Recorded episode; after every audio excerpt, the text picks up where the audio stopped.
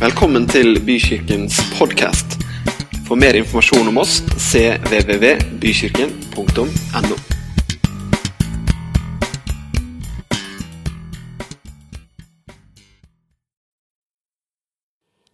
Som Betove sa, så er det siste uka med 100 dager med Jesus. Um, Temaet er en ny livsfortelling. Det kan jo høres litt uh, voldsomt ut, men uh, vi har kommet til Johannes evangeliet kapittel 20. Eh, vers 21 til 23 skal vi få lese i dag. Igjen sa Jesus, 'Fred være med dere. Min far har sendt meg til denne verden, og på samme måte sender jeg dere.' Da han hadde sagt dette, blåste han på dem og sa, 'Ta imot Den hellige ånd.' Hvis dere tilgir folk de syndene de har gjort, er de tilgitt. Og hvis dere ikke tilgir dem, er de ikke tilgitt. Hvis jeg skulle valgt min egen tittel En ny livsfortelling er veldig fin. Hvis jeg skulle valgt òg en egen tilleggstittel, så tror jeg jeg ville kalt det for Jesusfortellingen. Eh, for fordi om vi snakker om at det er en ny livsfortelling, så betyr ikke det at det, det ikke har vært en fortelling tidligere. Eh, vi står midt i vår egen fortelling i dag, sånn som det står her, som sendt av Jesus.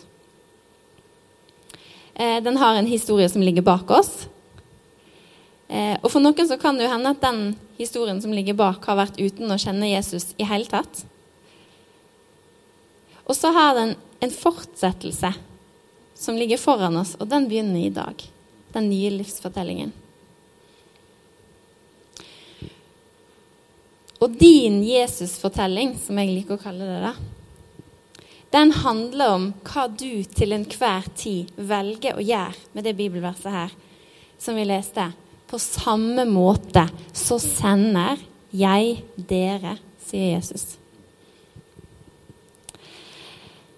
Min fortelling med Jesus den begynte ganske tidlig. Og nå er det sånn at det er fare for at jeg blir litt personlig her i dag.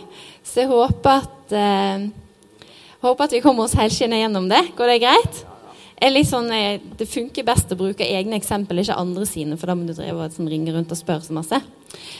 Eh, men jeg er veldig enkelt født inn i en kristen familie. Og fra jeg var veldig liten av, så jeg, ble jeg kjent med Bibelen, jeg ble kjent med bibelhistoriene og hvem Jesus var, og hva han hadde gjort. Jeg gikk inn i ei ungdomstid stappfull av aktiviteter, som ofte ungdomstida er. Masse ting som skjedde hele tida. Eh, og jeg tror jeg skal komme med en påstand. Jeg, jeg, tror den er riktig, altså. Fordi jeg tror jeg er den av oss her i salen som har rekorden over flest kristne leirer på ett år. Fordi ett år på ungdomsskolen så tror jeg jeg bikka 20, altså. På ett år. Det er ganske vilt. Eh, men da meldte jeg meg jo til alt. da. Jeg var liksom kjøkkenhjelp på minileir. Jeg var, liksom, jeg var på alt. Og så var vi en gjeng som, som drev skolelaget hjemme. Og når ikke det var leir, så lagde vi leir, da. Eh, så vi, vi var jo 14 år, men vi booka leirplass, og vi organiserte det praktiske og ringte bussen. og det her er jo litt sånn utkant til Vestlandet, så du måtte bestille bussen hvis det var mer enn to stykker som skulle gå på et stopp og sånn. Um, For da tok de den store bussen, ikke den lille. Men, eh, Og så hadde vi med oss noen voksne som regel, da, som eh, kunne liksom undervise litt og være litt sånn alibiet vårt, eller de ansvarlige. Eh, men Jesusfortellingen min på den tida, det handler om det kristne fellesskapet. Det handler om at jeg følte en tilhørighet om at jeg fikk erfare Jesus og det å på en måte komme nær til han i veldig trygge rammer.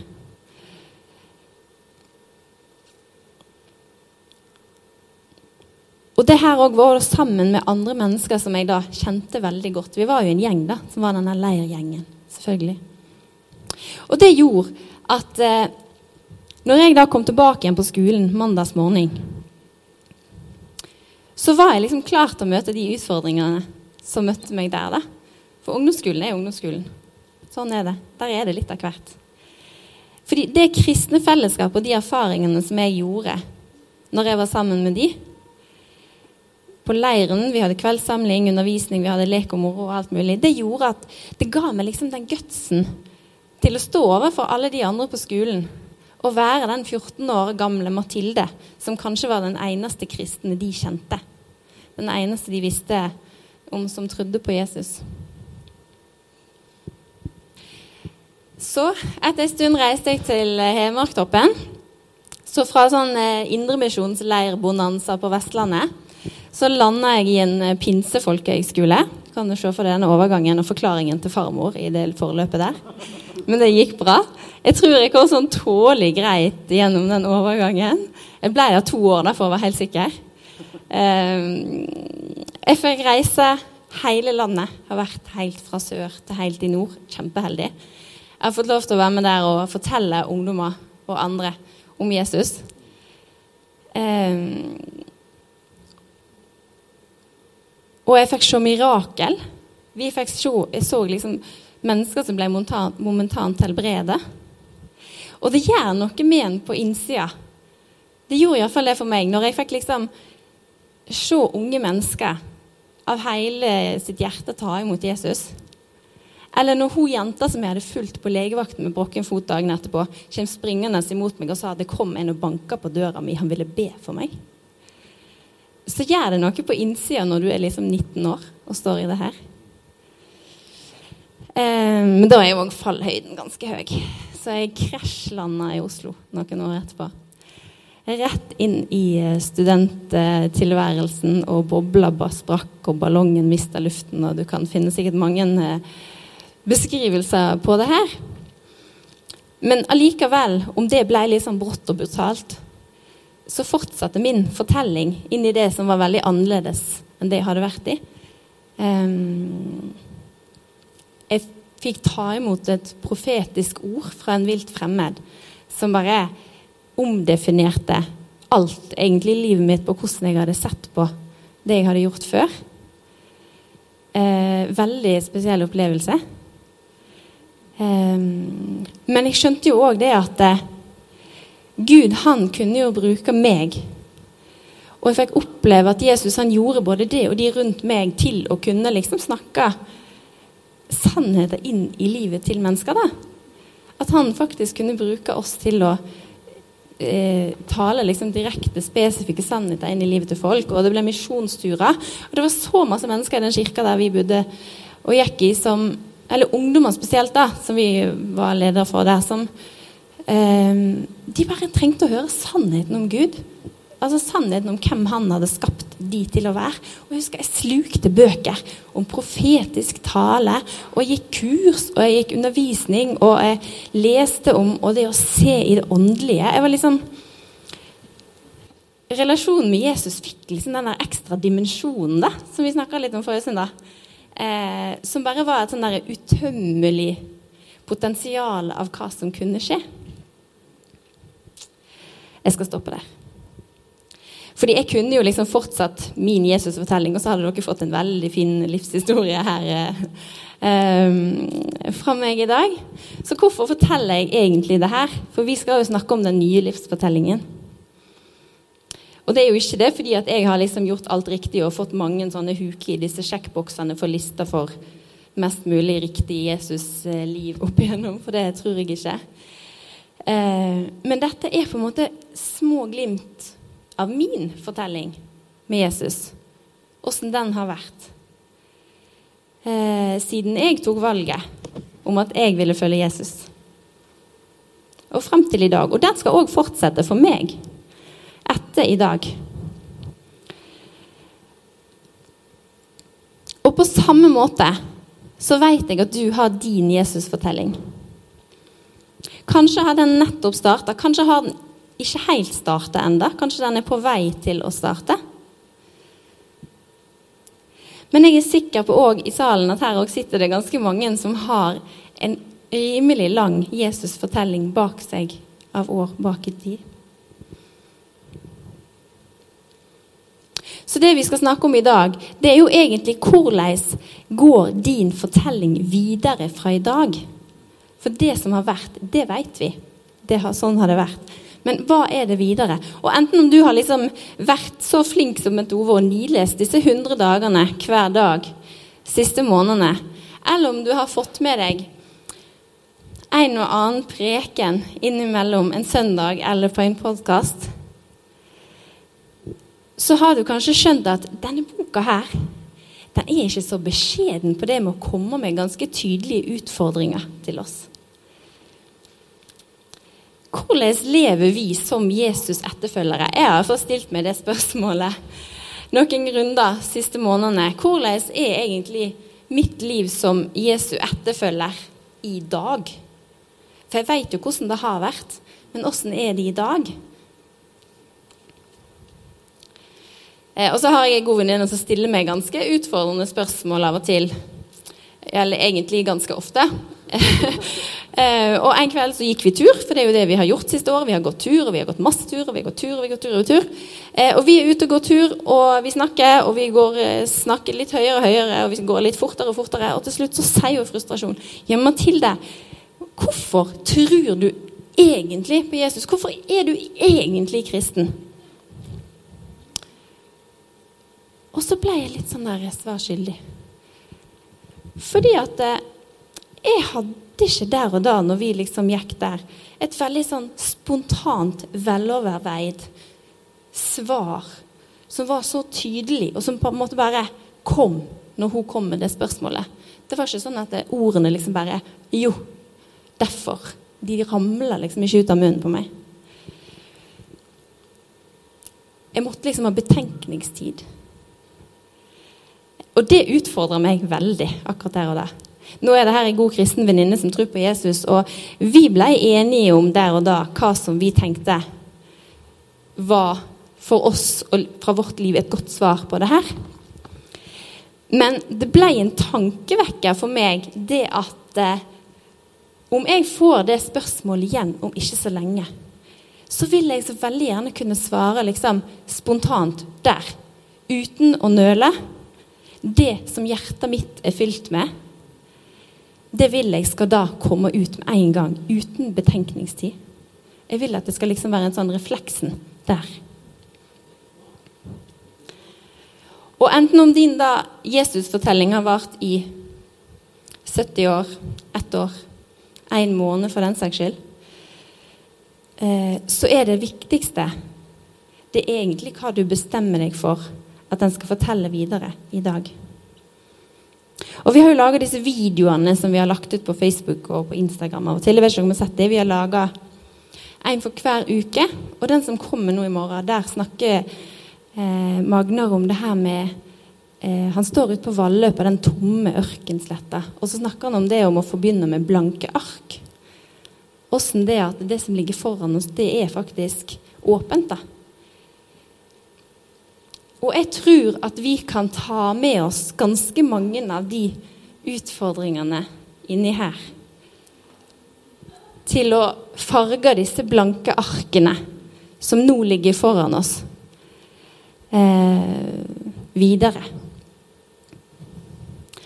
Og det har jeg eh, delt inn i tre punkter.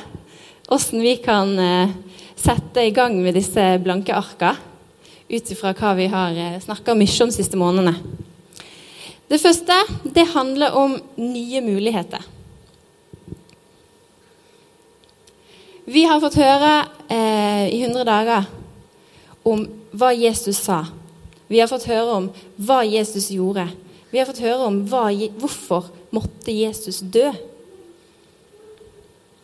Og det her det er liksom hele grunnlaget, hele fundamentet for både hvorfor og hvordan vi skal få lov til å være hans etterfølgere i dag. Like før Jesus eh, ble tatt til fange, før han eh, skulle bli korsfesta, så sa han til disiplene sine Og det står i Johannes 16, vers 12-15. Jeg har ennå mye jeg vil ha sagt til dere, men det vil bli for mye for dere å forstå nå. Men når Han, sannhetens ånd, kommer, skal han forklare ting for dere og lede dere til hele sannheten. Han skal fortelle dere det han hører av meg, og forberede dere på ting som skal skje. Gjennom det han sier, vil jeg få ære og hyllest.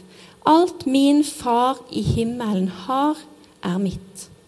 Derfor vil Den hellige ånd ta det som er mitt, og gi til dere. Jeg tror det bibelverset her har jeg sikkert lest 20 ganger i life-gruppa mi. Jeg tror de begynner å bli sånn lei av at jeg drar det inn. Jeg får det liksom til å passe i alle settinger. Men, men, det mener jeg oppriktig. Her er det masse å ta av. Um, men det som um, jeg i hovedsak tenker på, da, det er det at Jesus han sier det her til disiplene sine. De har vært sammen i tre år. Uh, og jeg ser for meg at de har vært sammen hver dag. Jeg gjør det. Eh, nå har ikke jeg gått veldig grundig inn og skulle forske finne ut om det var helt riktig. Men jeg, jeg, ser for meg det. Jeg ser ikke for meg at de hadde en sånn sidejobb at de var etterfølgere disippel til Jesus. Jeg ser for meg at det var liksom hovedgeskjeften, da. Um, de har vært sammen med Jesus i tre år. De har bodd sammen, de har spist sammen, de har reist sammen. Og likevel så står Jesus her og sier rett før han blir tatt til fange at han har enda mye mer han vil si til dem. Tenk hvor masse muligheter han har hatt der døgnet rundt i tre år. Og så sier han òg at det er ikke meninga at vi skal stå alt på en gang, men at sannhetens ånd skal veilede til sannheten etter hvert. Det må jo bety at uansett hvor langt du har kommet i din Jesusfortelling, så vil det alltid være en ny mulighet som ligger foran deg. Derav nye muligheter. Og da mener jeg òg at dagens bibeltekst eh, med at Jesus sender oss, den kunne jo ikke vært mer tydelig heller på hva som skal være denne fortsettelsen vår. På samme måte har Jesus sendt oss. Og det står liksom svart på hvitt. Vi er meint til å skulle få nye muligheter hele tida. Og i det havet av ting som var faktisk mulig for Jesus, så er vi meint til å skulle gjøre akkurat de samme tingene.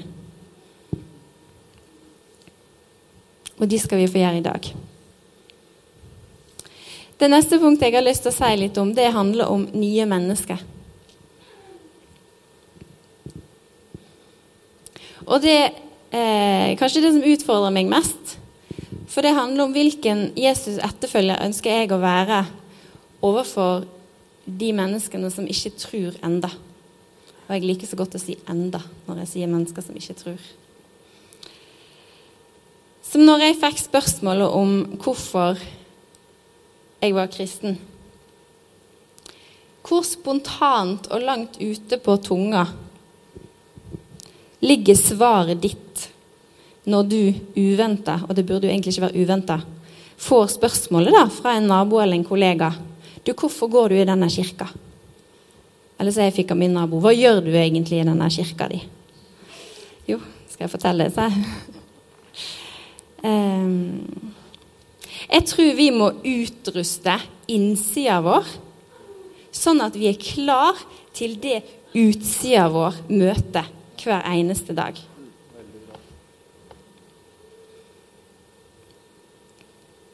Når vi bodde i Oslo, så eh, kjørte jeg til jobb hver dag fra Oslo ut av byen. Kjørte ned noe som heter Grefsenveien, ganske trafikkert, og skulle ut i Ring 3. Så kom jeg kjørende en dag, og jeg ser ei jente på fortauet som går på krykke. Det er ganske lang bakke nedover. Og idet jeg passerer, så sier Gud, 'Hvor skal du ta med deg og kjøre dit hun skal'. Eh, det kom veldig sånn Oi! Eh, det tok litt tid før jeg registrerte hva var det jeg egentlig fikk beskjed om. Og når jeg egentlig da hadde fått summa meg og tenkt skal jeg, skal jeg ikke, skal jeg, skal jeg ikke, så var jo jeg ute i Ring 3, det var rushtrafikk, det var trikkeskinner, det var tusen millioner grunner til å tenke at det, den får gå. Jeg skal på jobb.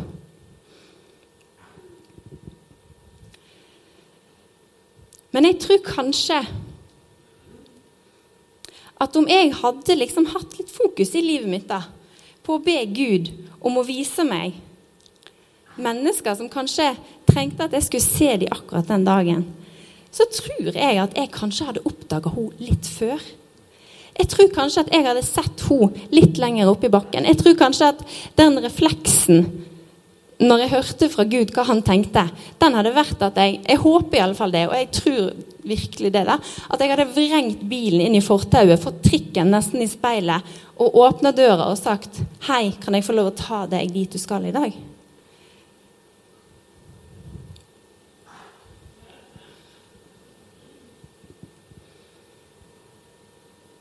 Hva kunne ha skjedd i den situasjonen om jeg på innsida hadde vært litt mer forberedt på det som skjedde i omgivelsene mine? Eller på utsida? Er det lenge siden for eksempel, at du har bedt for en kollega eller en nabo? Og da tenker jeg ikke kanskje sånn rent fysisk, for vi skal jo holde oss litt sånn unna, men sånn på avstand? Hjemme eller i bilen? Ber du om Gud om å vise deg mennesker rundt deg som du skal se, legge merke til? Og passer du på at du er godt nok fylt med Guds sannhet sjøl, sånn at når du møter et menneske som står i noe tøft og tungt, så er det første responsen, den refleksen, det som sitter ytterst på tunga, det er Guds sannhet. Som bare liksom Det er liksom bare det første som faller deg inn, da. Når du treffer dette mennesket.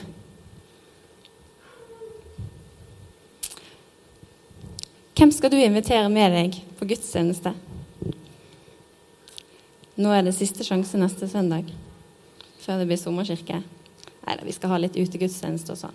Men det her handler ikke om at du skal bli bestevenn med naboen.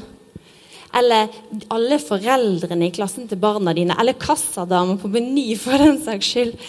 Men det handler om at om vi skal være etterfølger av Jesus, så betyr det at vi skal faktisk være et vitne om han her på jorda. For det er jo det som er målet, ikke det det? Litt sånn nikk. Ja. Mm, Kjør på. Supert.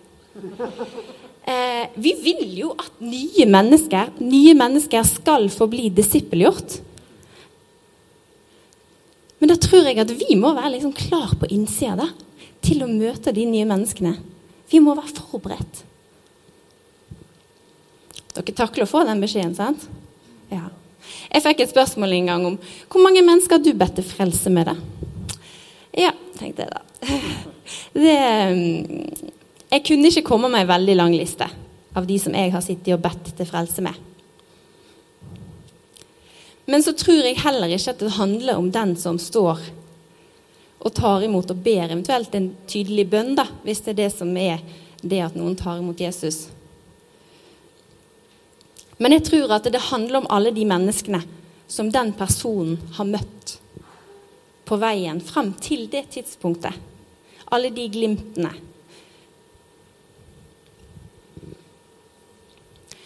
Og jeg tror det at eh, Noen ganger så kan jo noen ta imot Jesus ganske sånn raskt, og det går fort, og der var det Jesus. Men noen ganger så kan det faktisk ta et helt liv før noen finner ut av vet du hva, jeg vil ta imot Jesus. Jeg vil til himmelen.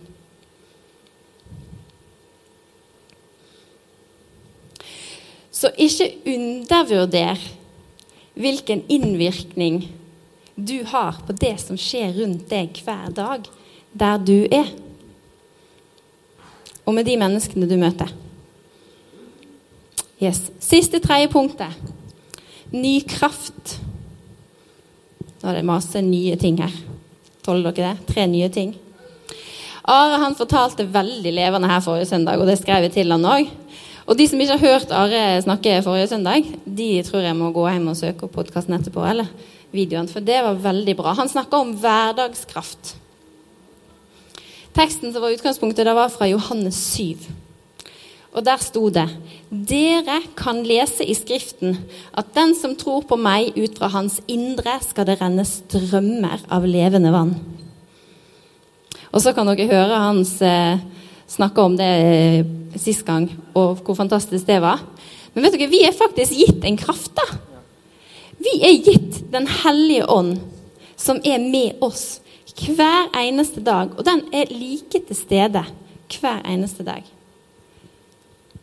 Og det er det som er så fint, syns jeg, da, med å være en Jesu etterfølger. Det er ikke en enmannsjobb. Det er så langt fra et enkeltpersonsforetak som du kommer.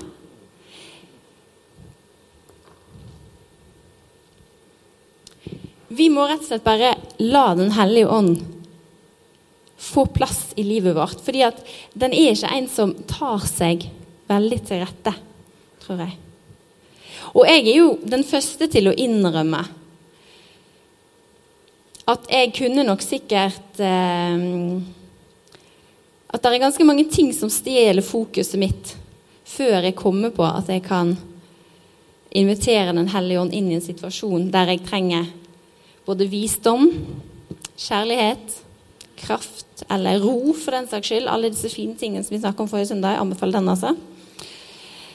Eh,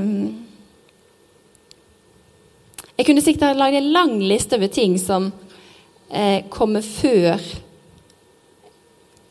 av og til, da. På det at jeg tenker på at nå må vi ha litt kraft inn i det her, på en måte.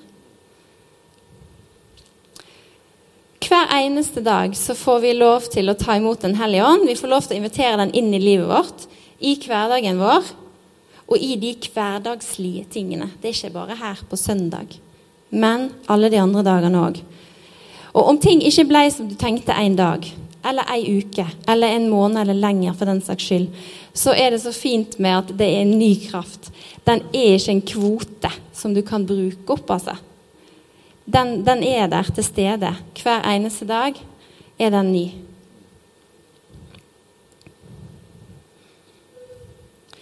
Jeg tror du kan sikkert begynne å spille litt, så skal jeg prøve å gå inn mot en avslutning her i dag. Fordi at eh, heldigvis er det ikke slutt med dag 100. På onsdag kommer dag 101, så da begynner vi den nye planen 101 til 200 dager med Jesus. Nei. Nei, vi skal ikke det, altså. Men det begynner. Du har sjansen til å la det begynne noe nytt på dag 101. Eller hvilken dag i rekka det her er for din Jesus-fortelling. Om det er dag 1, eller hvilken det er. Fordi det er som Jesus sier. Min far har sendt meg til denne verden. På samme måte sender jeg dere. Så hvordan ser da denne nye dagen din ut? Den 101 eller det andre tallet? Vil du at den skal være lik som de siste 200 før det? Eller er du i det minste bare lite grann nysgjerrig på hva som egentlig kan skje hvis du sier i dag Vet du hva? Jesus, i dag så vil jeg at min livsfortelling, min Jesus-fortelling, den skal være fylt med nye muligheter, nye mennesker og en ny kraft hver dag. Og uansett hvordan fortellingen din har sett ut tidligere, og hvordan du føler forutsetningene dine er for å liksom tre inn i det her i dag, så er det det at vi har dette her blanke arket. Du skal få lov til å begynne på en ny livsfortelling i dag. Et nytt kapittel.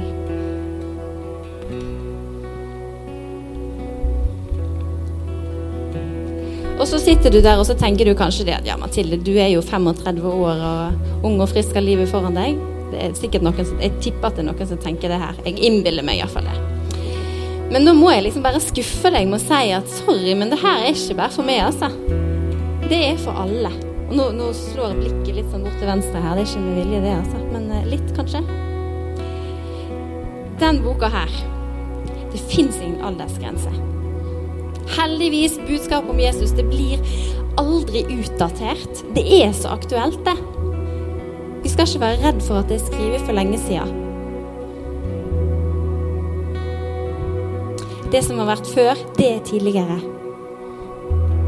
Men i dag så begynner det en ny livsfortelling, og den har blanke ark. For noen så kan det hende at det faktisk er det at den begynner i dag. Fortellingen med et liv med Jesus. Men for mange av oss så handler det nå om å bare rett og slett bare ta en bestemmelse. Hvordan blir din fortsettelse?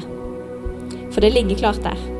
Det er bare til å bestemme seg. Mulighetene, menneskene.